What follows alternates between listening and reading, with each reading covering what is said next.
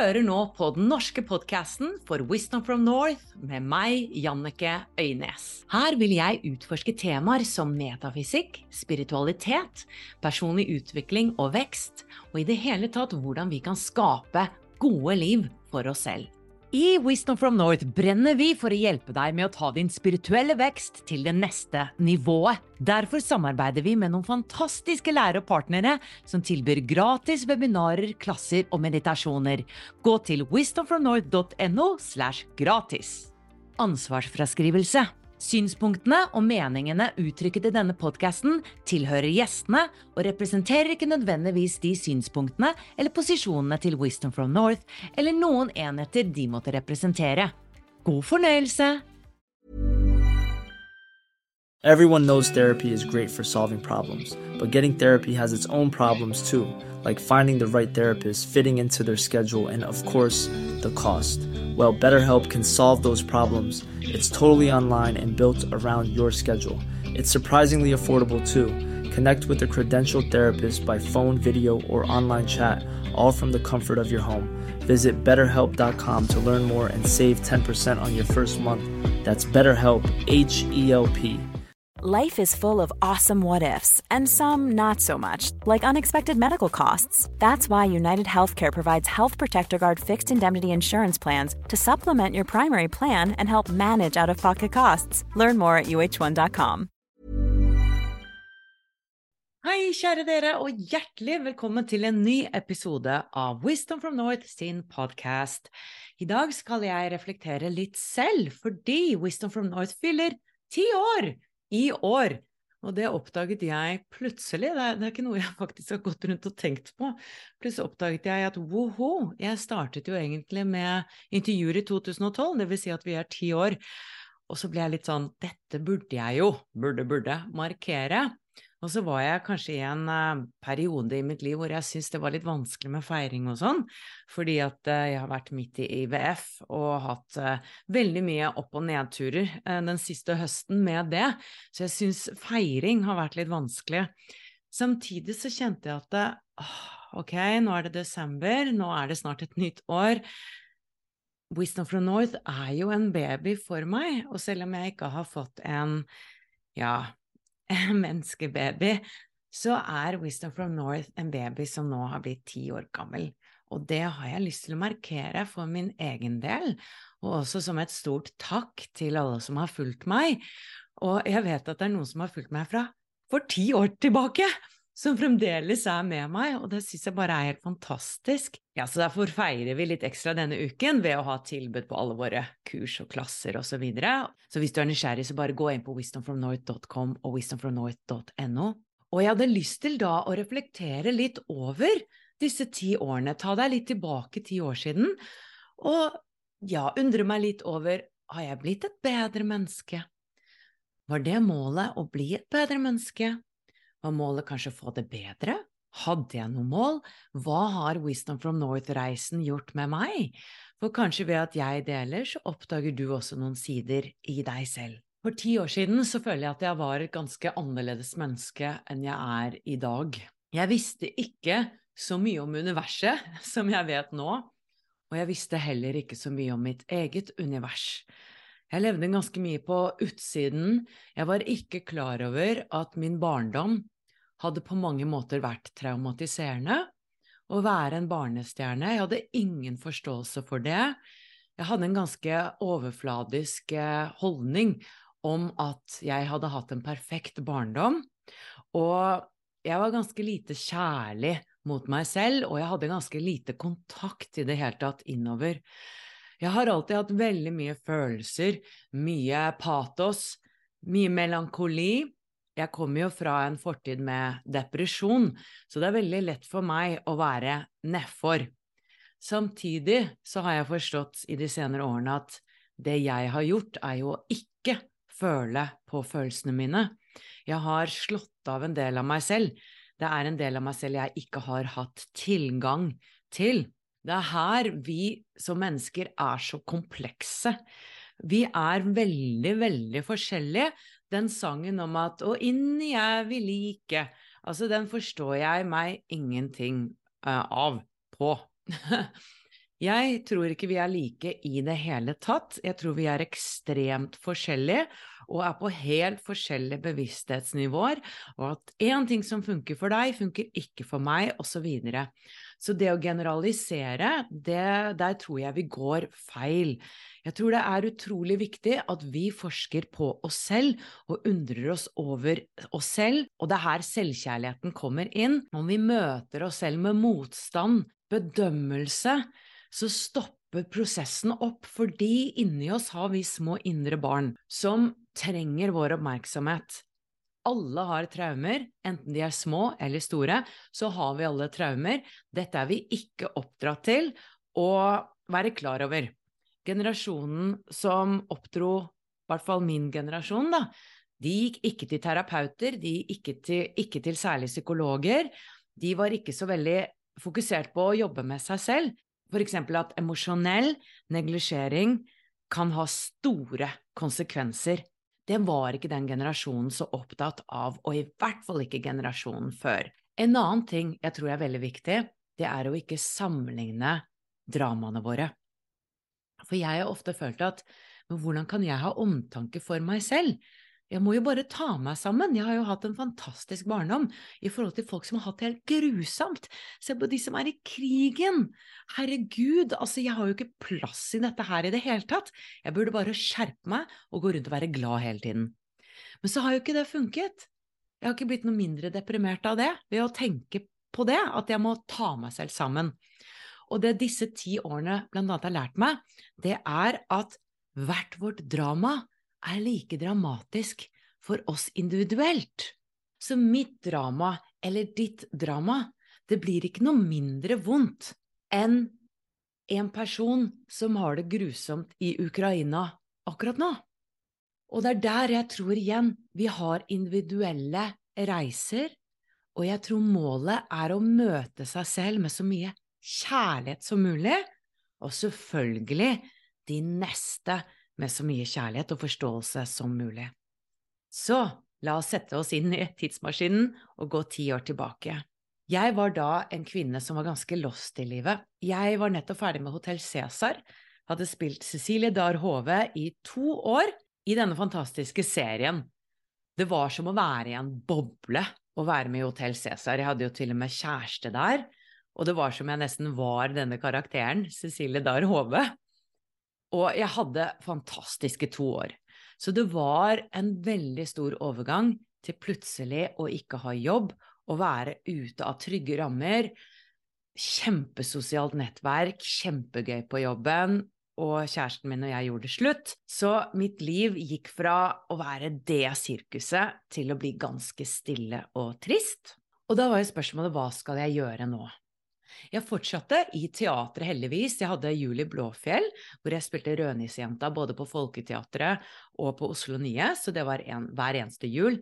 Samtidig så kjente jeg litt på at jeg lurer på om jeg skal begynne å gå inn i en ny retning. Og det er litt morsomt, fordi jeg kjenner jo Lilly Bendriss blant annet, og var på en reading med henne. Den gangen så kjente jeg henne ikke så godt. Det hun sa i den readingen, det var Jeg ser deg bak eh, kameraet, Jannicke. Hun så meg bak kamera, og jeg husker jeg tenkte what? Jeg skal pokker ikke bak kamera, hva er det du snakker om? Jeg husker jeg ble kjempesint og skuffet inni meg. Det jeg syntes var veldig spennende, var at hun sa at jeg var en starseed og hadde stjerneconnection som kommer egentlig fra universet, fra en annen planet. Det resonnerte jeg veldig med, og da husker jeg tenkte åh, jeg er spesiell. Kanskje det er derfor jeg føler meg så annerledes. I dag så vet jeg at veldig mange av oss er starseeds. Det er faktisk veldig få som er fra denne planeten her, så jeg føler meg ikke så spesiell lenger. Men den gang så var det veldig gøy å høre at jeg var en starseed.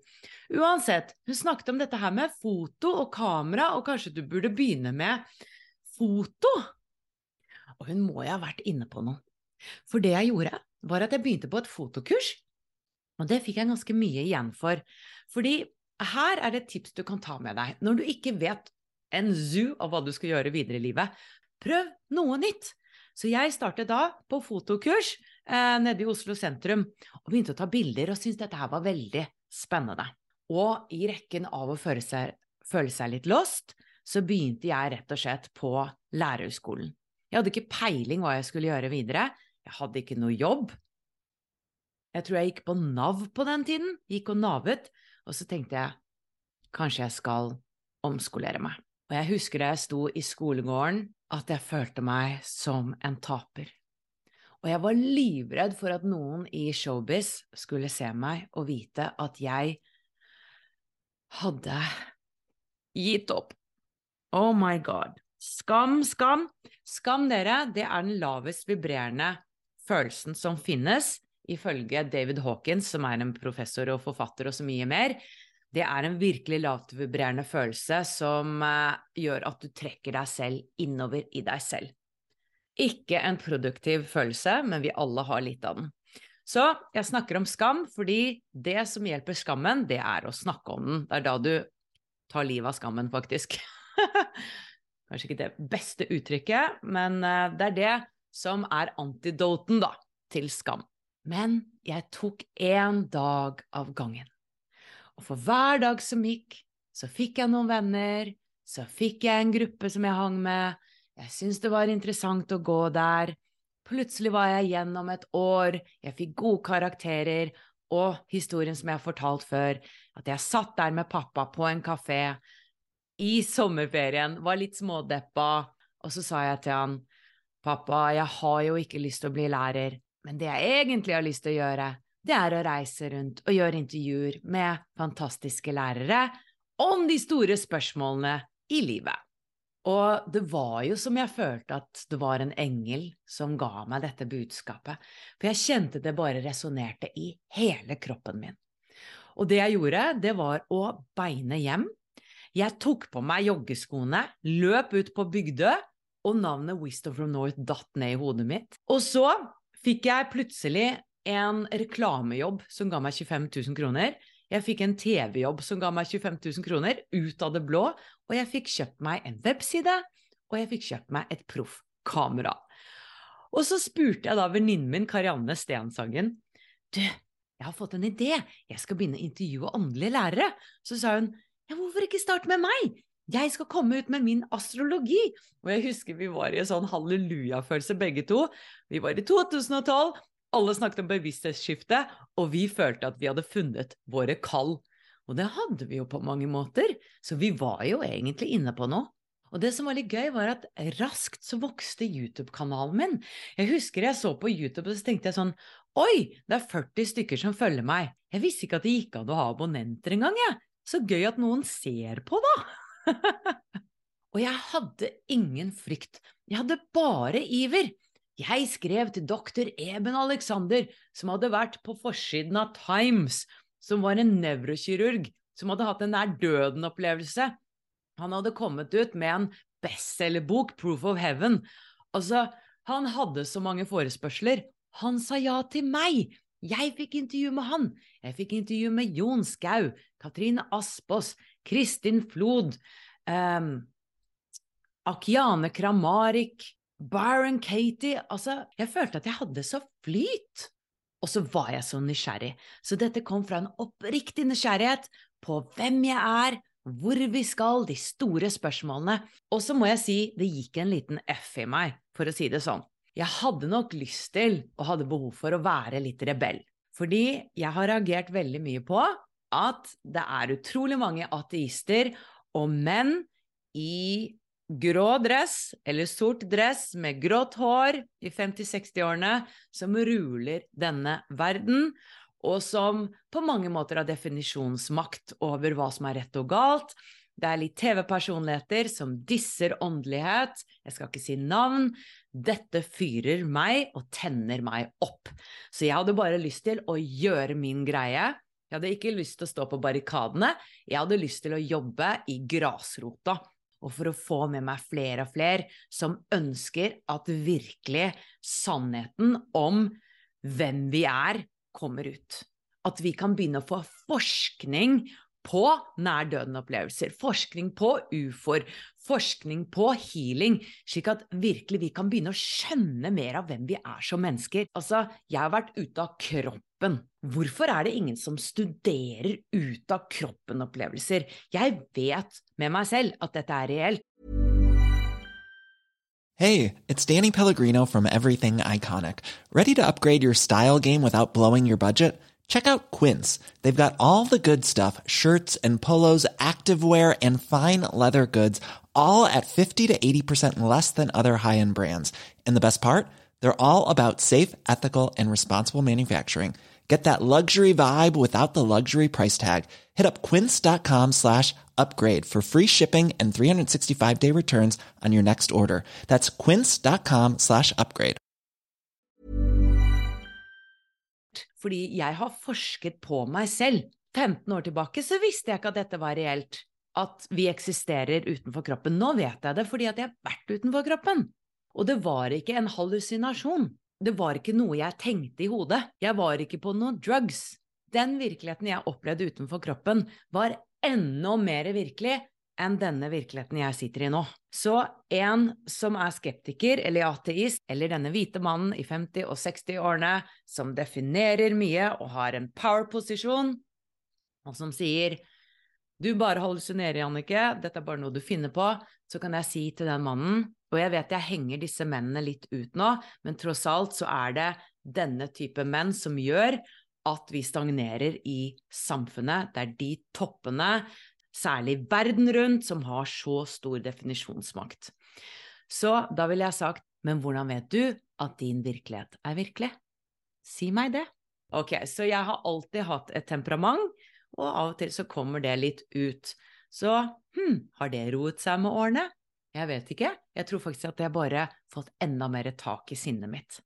Men vi skal bevege oss litt fremover. Jeg hadde blant annet et intervju med en traumeterapeut.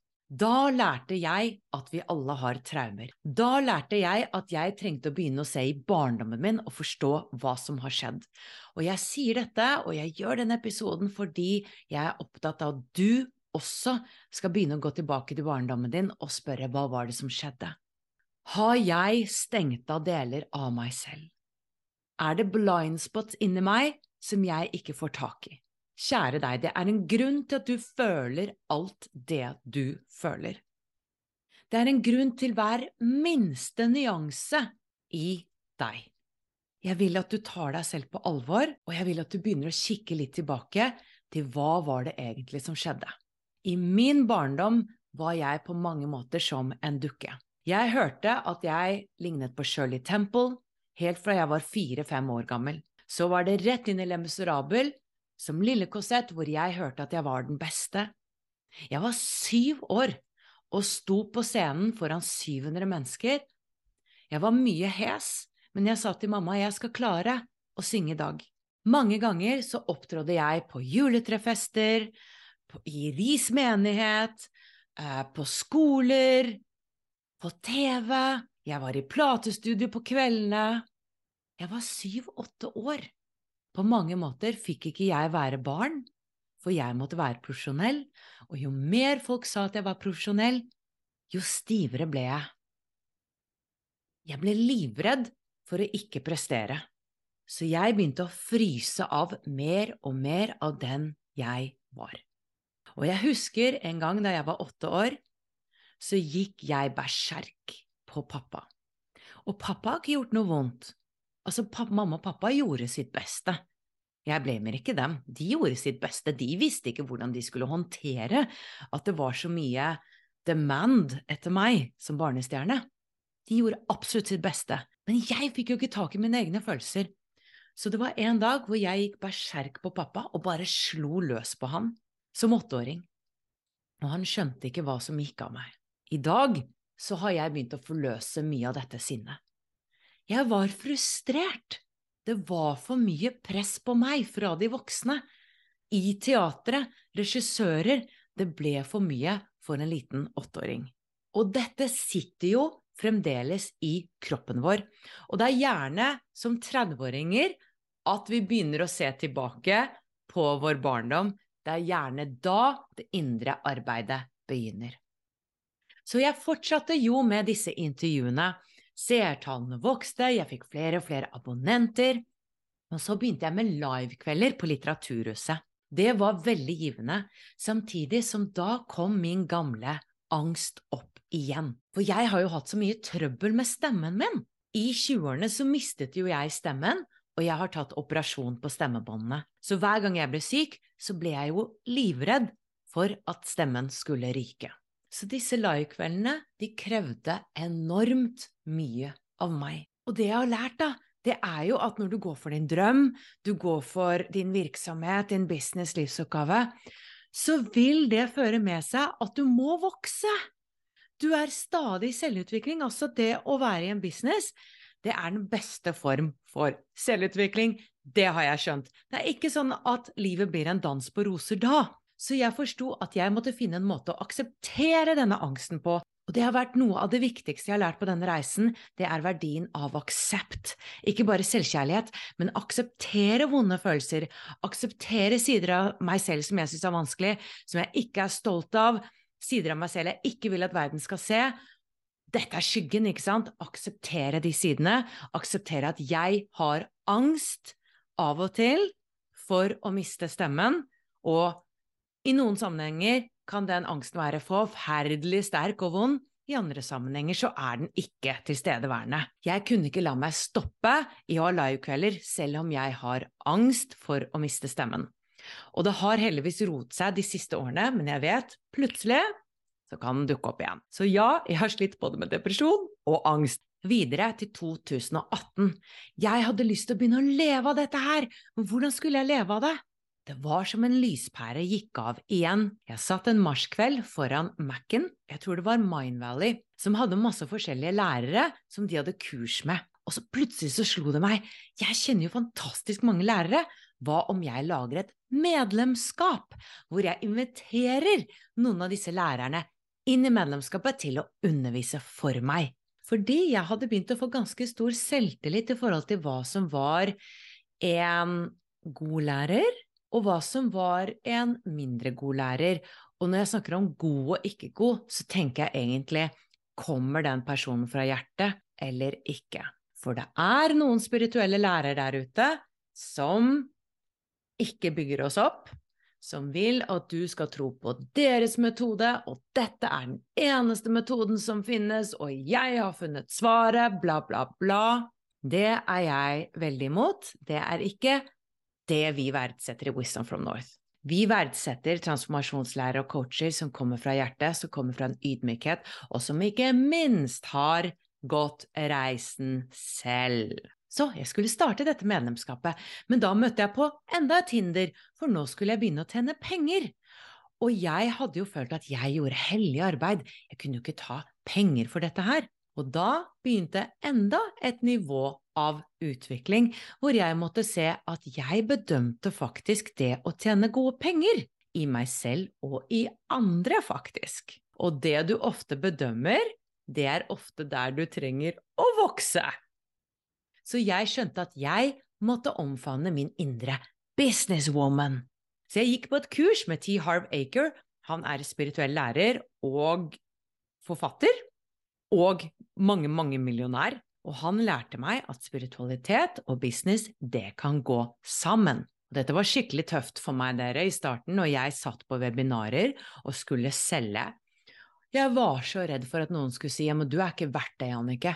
Vi gidder ikke å betale for det du gjør, fordi jeg hadde jo laget gratis intervjuer i alle år, ikke sant? Men det var jo min feil, det! Jeg så jo ikke verdien i det jeg gjorde. Uansett, jeg husker med venninne Karianne Stenshagen sa du må finne tigeren i deg, Annike. Du må våge å være litt tøff. Du må våge å tro på deg selv, fordi hvis ikke du har tro på deg selv, hvorfor skal noen andre verdsette det da? Så kjære deg, du der ute som sitter med så mye talenter, så mye innabords, ta deg godt betalt for det du gjør. Hvis du tar deg dårlig betalt, så speiler det bare at du føler at du ikke er verdt nok, at du har en lav selvfølelse. Og det kan faktisk hjelpe selvfølelsen din å ta deg bedre betalt, fordi da begynner du å respektere deg selv. Og det var det jeg gjorde, jeg begynte å respektere meg selv. Jeg våget å ta betalt for kurs vi lagde, for klasse vi lagde, for medlemskapet, for livekveldene, fordi jeg begynte å verdsette det jeg gjorde. Wow, og det vokste jeg enormt på, for min selvrespekt begynte å vokse. Det jeg også har lært, det er at det er ikke én en eneste skole.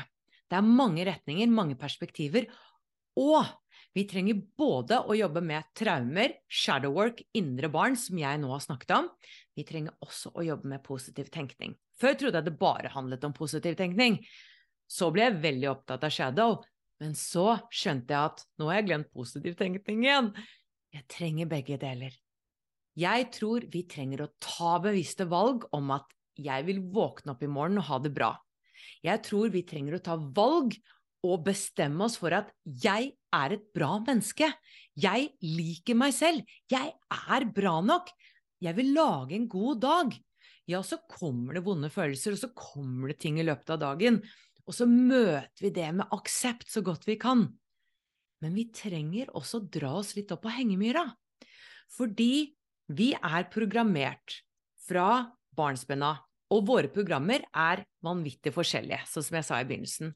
Hvis vi har et litt negativt program, at vi har en litt negativ bias alle vi har en, altså Alle mennesker har negativ bias, men hvis vi har ekstremt mye negativitet i oss, så trenger vi å lage nye nervebaner i hjernen vår. Da trenger vi å jobbe med affirmasjoner. Vi trenger å jobbe med positiv tenkning. Vi trenger å bestemme oss for at jeg skaper mitt eget liv, og jeg vil ha det bra, samtidig som vi gjør terapi, samtidig som vi gjør skyggearbeid, samtidig som vi aksepterer hva enn som kommer opp i oss. Så det har jeg virkelig lært, at jeg kan ikke bare gjøre én ting, jeg må jobbe med lys og mørke. Og i dag er jeg mye mer opptatt av å leve enn å få svar på de store spørsmålene, faktisk. Jeg er opptatt av å stå opp om morgenen og ha en god dag. Jeg er opptatt av å gi meg selv og utføre den oppgaven som jeg planla på forhånd når jeg var sjel. Jeg er opptatt av å forsøke å være den beste versjonen jeg kan, men jeg merker at jeg mislykkes veldig mange ganger. Hvis jeg er i et dårlig humør, hvis jeg er lav på energi, så kan jeg la det gå utover andre, det har jeg lagt merke til og jeg forsøker å gjøre mitt beste for å ikke la det skje. Jeg er blitt mye mer observant, samtidig så forsøker jeg å tilgi meg selv mye mer. Før kunne jeg bare hate meg selv, nå er jeg mye bedre på å tilgi meg selv hvis jeg føler at jeg ikke har vært mitt beste, da. Så jeg føler meg mye mer hel, jeg føler at jeg har integrert mye flere sider av meg selv, og jeg er mye mindre dømmende enn jeg var. Så har jeg blitt et bedre menneske, jeg vet ikke. Jeg tror jeg er blitt litt gladere. Jeg tror jeg har mer livsgnist. Og jeg tror jeg har mye mer raushet for andre enn jeg hadde før. Jeg dømmer mye mindre, fordi jeg dømmer meg selv mindre. Og det er jo det som er fint, når du dømmer deg selv mindre, så dømmer du andre også mindre. Jeg er ikke lenger så opptatt av rett og galt. Jeg er ikke så lenger opptatt av å finne svaret, fordi jeg har skjønt at jo flere spørsmål jeg har stilt, desto flere spørsmål er det å stille. Så kjære deg, hvem vet hvor jeg er om ti år? Hvem vet hvor du er om ti år? Jeg tenker at det eneste vi kan gjøre, er faktisk å gjøre det beste vi kan ut ifra det bevissthetsnivået vi er på nå. Og hvis du har det vondt i dag, så husk at det kommer alltid en dag i morgen. Sånn som jeg sang da jeg var Annie. Det kommer en dag i morgen, du må tro og håpe at i morgen blir det sol. Ofte er visdom ganske enkelt. Takk for at dere hørte på. Vi høres i neste episode. Planning for your next trip? Elevate your travel style with Quince. Quince has all the jet setting essentials you'll want for your next getaway, like European linen, premium luggage options, buttery soft Italian leather bags, and so much more. And is all priced at 50 to 80% less than similar brands. Plus, Quince only works with factories that use safe and ethical manufacturing practices. Pack your bags with high-quality essentials you'll be wearing for vacations to come with Quince. Go to quince.com/pack for free shipping and 365-day returns.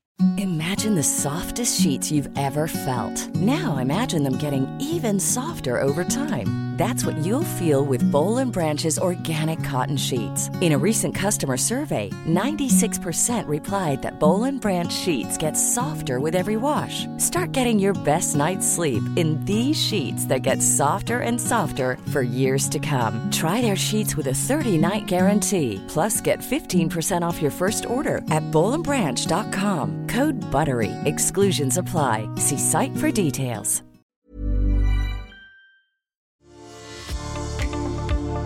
Ønsker du å utvikle deg som menneske, åpne opp mer for din livsoppgave og utforske en dypere mening med ditt liv?